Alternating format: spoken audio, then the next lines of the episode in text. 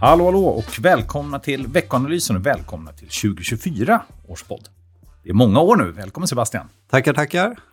Det är kul att vara igång igen efter ledighet. Har du haft det bra Sebastian? Jo, men det tycker jag absolut. Eh, jag har inte varit så ledig, utan jag har jobbat både i mellandagar och efter nyår. Eh, så det är bara att köra på helt enkelt. Men jag har haft det bra. Får vi gissa, är det strategirapporten som är på gång? Det stämmer. Alltid så i januari. Eh, jag vet ni sliter hårt med det där. Och, ehm, eh, när kommer den? Eh, nu är den ju framflyttad faktiskt, så den kommer redan nästa vecka. Eh, onsdag den 17. 17 januari, då kan ni hålla utkik. Det här är ju en rapport som ja, vi har skrivit under många, många år och vi gör det normalt tre gånger per år. Lite nytt koncept i år, men eh, den kommer att läggas ut på eh, vårt ja, externa nät eh, och ta del av. Och ehm, alltid spännande läsning om marknadshändelser, om eh, ja, värderingar, makro egentligen allting. Det Ja. kommer självklart vara mycket politisk fokus gissar jag. Ja. Ehm, men också annat. Det är ju, om man blickar liksom in i 2024, senast vi pratades vid innan jul här, så summerade vi ju 2023. Nu pratar vi, tänkte vi prata lite mer börsåret 2024 och jag menar, många av sakerna följer med, men det har också tillkommit saker. Ja. Räntorna är i fokus alltid, självklart techbolagen i fokus, krigen som pågår. Mm. Ehm, blir det en recession i USA i år? Ehm, ja, vaknar EM till liv, eller tillväxtmarknaderna? Så att, eh, det finns mycket att diskutera, men, ehm, men som sagt mycket annat också. Ja. Och det ska vi prata om idag. Men först, eh, riktigt kul faktiskt att det gick så bra föregående år. Verkligen. Eh, portföljerna gick ju dunder. Bra i våra portföljer, bra på marknaden. Det blev ju faktiskt rätt bra på flera marknader. I början var det ju väldigt mycket liksom USA och techbolag, men det blev lite mer bredd på Ja. slutet. Eh, så rätt glädjande, så vi hoppas att det kan fortsätta. Ja. Eh, Men ska vi hoppa in i lite grann vad vi ser här nu då? Eh, vad är det egentligen, om vi bara tar den sista, sista veckan bara för att få en uppdatering så här direkt efter årsskiftet. Vad har egentligen hänt som är nytt? Alltså både marknad, geopolitik, liksom, om du bara kan sammanfatta lite kort. Eh, det har kommit viss statistik, eh, men det största är väl eh, fortsatt oro i Mellanöstern. Eh, där Houthi-rebellerna i Jemen, eh, som ursprungligen har gjort uppror mot eh, sittande makterna där, nu försöker föra krig mot alla möjliga som bland annat använder Suezkanalen för att eh, frakta gods. Eh, man har attackerat mängder av olika fraktfartyg. Eh, och sen eh, nyligen så svarade USA på det här genom att sänka tre av deras båtar eh, och markera mot dem att ni kan inte hålla på hur som helst eh, på de här vattnena. Men eh, det är ändå så att det har fått många fraktbolag att omdirigera sin eh, trafik. Mm. Så att det inte går genom Suezkanalen, vilket då gör att det blir dyrare och tar längre tid att frakta varor. Eh, och sen så har den här oron eh, tillsammans med två detonationer i Iran också Ja, det har lyft oljepriset lite eh, och det har börjat falla tillbaka igen. Eh, men det har ändå varit skakigt på den fronten just på grund av, eh, ja, på grund av den här geopolitiska oron i det området. Det man tänker på är ju så här, ja, oljepris, det har ju historiskt en liksom, påverkan på andra marknader och på inflation och så vidare. Men kanske framför allt så ser man det här när du pratar fraktpriser och att det tar Mm. längre tid. Man får en sån här coronakänsla, liksom, Ja. utbudsstörning och liksom allt tar längre tid. Priser höjs och liksom, ja, det blir en brist. Liksom. Exakt. Eh, är det här liksom en risk att vi får se liksom, en ny inflationsbrasa? Eh, risken finns väl alltid. Och eh, kollar vi på, eh, på hur det ser ut i dagsläget så är det ju inte alls hur det var under pandemin. Det är väldigt långt ifrån. Eh, det är alltså mycket bättre idag än under pandemin. Eh, men eh, än så länge så har ju de här aktionerna från Houthi-rebellerna inte varit så verksamma. Eh, de har stöd från Iran eh, och får bland annat vapen därifrån.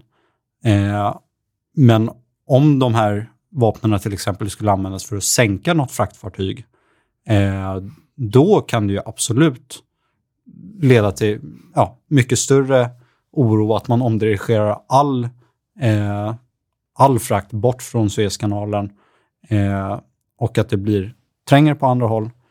Det borde fortfarande inte leda till samma typ av problematik som under corona.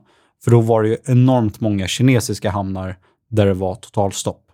Eh, nu handlar det inte om att det skulle bli ett stopp, utan att det tar längre tid. Men då skulle vi också se, blir en så pass stor eskalering i konflikten, eh, då finns det ju risk att fler länder dras in i ett större krig än vad vi har idag. Eh, och det ska också poängteras att de här detonationerna i Iran, eh, de skedde ju vid eh, en minnesceremoni för en av deras eh, generaler på fyraårsdagen sedan eh, USA sprängde honom med drönare. Eh, och eh, Iran gick ju först ut och sa att det var eh, relaterat till kriget i Israel. Eh, men eh, sen så gick IS ut och tog på sig attackerna. Ja, så det är många inblandade. Många där. inblandade och eh, mycket hur man vill få saker att låta i kommunikation som ja. vanligt. Um, och framför allt, viktiga nu, är det här del av något större eller är det bara några rebellattacker som vi ju till och från har sett. Exakt. Och det inte har påverkat liksom, övrig marknad. Och sen ska man alltid ha med sig att liksom, den här typen av geopolitiska liksom, här, oro, händelser. Det är inte alltid den får stor marknadseffekt. Om jag tänker om vi kommer vidare också från just den här händelsen så att det kanske har backat lite på börsen initialt här och så vidare. Det, det kan ju ha annan Ja. Att det beror på någonting annat också. Jag tänker på till exempel att eh, räntorna tickat upp lite. Det har kommit in ganska stark sysselsättningsdata i USA ja. som gör att man kanske tänker att det blir bättre än, än förväntat i USA. Räntorna kanske går upp på det. Inflationsdata har det kommit i eurozonen va? Mm. Eh, och det kommer väl inflationsdata den här veckan också? Eh, ja, eh, den här veckan får vi amerikansk inflationsdata. Mm. Och den från eurozonen förra veckan, den steg jämfört med föregående månad, men den kom ändå in lägre än väntat. så överlag så skulle jag säga att det var positiva siffror. Mm. och vad gällde arbetsmarknadsdatan i USA så var det lite olika signaler. Eh, men framförallt så såg man att eh, andelen sysselsatta, eller som del av arbetskraften, mm. den minskade. Eh, vilket då bidrog till att hålla nere arbetslösheten. Eh, annars hade den eventuellt varit marginellt högre. Mm. Eh, så man ser en viss försvagning där på arbetsmarknaden. Den går ganska långsamt, vilket egentligen är precis vad man vill se från exempelvis Feds håll. Mm. Att det är en gradvis försvagning, man vill inte se något eh, stort fall eh, på arbetsmarknaden. Men eh, man lättar upp eh, ja, så att det finns mer rörelse på arbetsmarknaden. Ja, exakt. Man, vill, man vill få bort de här gamla liksom, överhettningstendenserna som driver ja. inflation. Liksom. Och det, det tycker jag ändå man har lyckats med. Frågan är liksom, kan man stävja det så att det inte blir den här branta nedgången till slut? Ändå? Ja.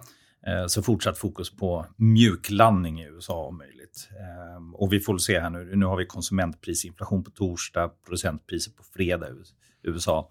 Eh, får vi se hur kanske framförallt räntemarknaden påverkas av det. Och det i sin tur också självklart börsen. Då. Mm.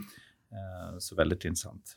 Och sen kan man väl säga också det här med att det har varit en rörelse nu har det inte ens knappt varit neråt, det är någon procent ner under året. Men om, ja. om vi ändå tar det som ett svagare, en svagare inledning med det starka avslutet då, så kan man väl säga att det är kanske inte helt ohälsosamt att ha en rekyl också.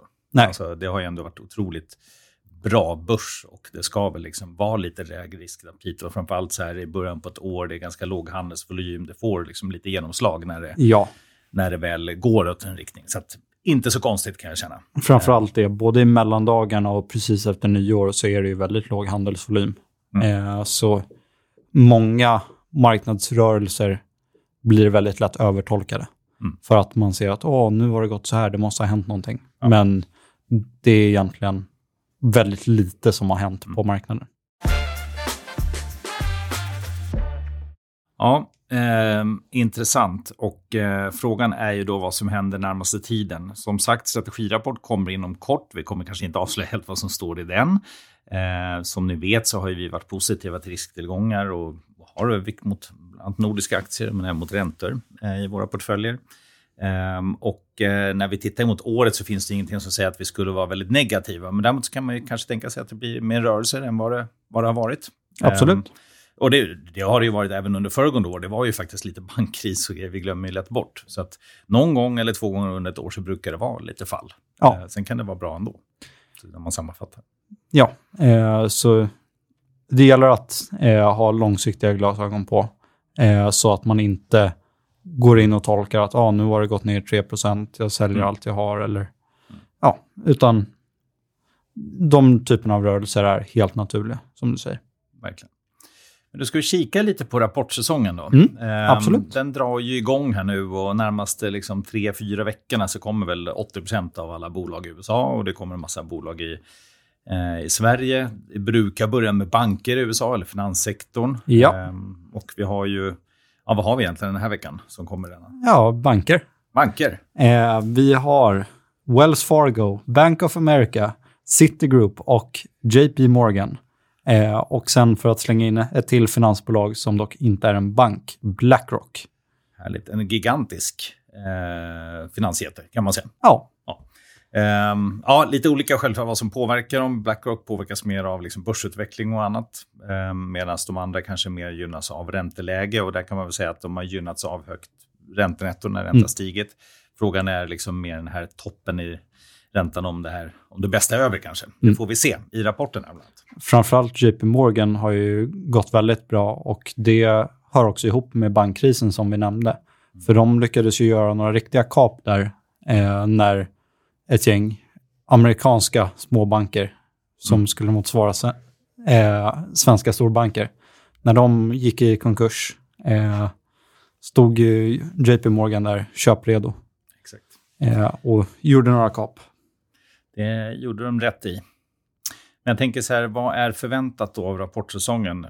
Jag tycker i alla fall det känns rätt okej. Jag kollade snabbt på förväntningarna. Eh, det är ju fjärde kvartalets vinster vi pratar om. Mm. Jag tittar i USA. Där finns det alltid lite mer statistik att tillgå. Det väntas vinsterna år över år växa med 3 mm. um, tycker jag känns helt rimligt. Försäljningen väntas se ganska bra ut. Man räknar med viss marginalkontraktion. Mm. Um, ja, kanske till och med viss potential till överraskning, skulle jag säga. Alltså positivt. Um, varför ska det vara så mycket marginalkontraktion? Det är ju, jag tycker historiskt är bolagen väldigt bra på att föra kostnader vidare mot kund. Ja. Um, så det kan väl hända. Och tittar man på liksom så här vinstöverdelningar sista kvartalet ner marginellt. Eh, det brukar ju vara ner rätt mycket, att man drar ner vinsten en del. Men mm. för tech till exempel, för teknologisektorn ser det upp faktiskt ja. under fjärde kvartalet, hela vinstrevideringen. Så att, ehm, ja, vi får se. Jag tycker ändå förutsättningarna känns ganska bra. Sen behöver man ju liksom blicka längre in i året självklart. Man behöver titta på utsikter och liksom, ja, vad nämner de, hur räntesänkningar, vad, vad, hur bolagen väntas påverkas och så vidare. och så vidare. Men ja givet en mjuklandning, givet att räntor ska ner, så tycker jag det känns ganska okej. Ja, eh, jag delar den synen. Eh, jag är också relativt positivt mm. inställd. Eh, och sen vet jag inte när det drar igång i Sverige riktigt. Vi har någon liten rapport den här veckan, men eh, inga större bolag. Det brukar alltid börja lite, lite senare, men det kommer ju också nu närmaste en, två veckorna. Så, ja. så kör vi igång där. Um, så det blir väldigt spännande. Då har vi säkert något aktiespecial igen som vi brukar ha. Yes. Um, men annars då, makro mer den här veckan. Uh, vi nämnde inflationssiffrorna kommer i USA. Mm. Uh, torsdag som sagt, um, inflation i USA. Fredag procentprisinflation. Uh, och sen har vi en del ja, tysk industriorderingång, detaljhandel, EMU, tysk industriproduktion. Vi har lite siffror i Sverige också, industriorderingång, detaljhandel, BNP, konsumtion. Mm. Um, är det något man bör hålla lite extra koll, tycker du på? Eh, alltid amerikansk inflation. Eh, den är självklart jätteviktig. Eh, men utöver det så skulle jag säga att även eurozonens arbetslöshet som kommer in imorgon, eller ja, idag när det sänds, under tisdagen. Under tisdagen? Ja. arbetslöshet förväntat? 6,5 procent. 6,5 procent arbetslöshet. Eh, ja, en helt rimlig siffra, men klart högre än USA. Som, ja som längre tillbaka. Är det någonting vi har missat? Eh, jag tror väl att vi har täckt det mesta för den här veckan i alla fall. Eh, mm. Så nu gäller det bara att hålla utkik för resten av året. Härligt. Då tycker jag vi har eh, smygstartat det här året alldeles utmärkt. Eh, Som sagt, strategirapport kommer inte vara klar nästa vecka när vi pratar. Nej. Eh, Jag var tvungen att titta på tiden, men det är nästan så. Men veckan därefter då kommer det en ny strategirapport och då har vi självklart lite extra kring all världens marknad. Yes. Härligt. Får vi tacka för oss. Tackar, tackar. Ha det gott.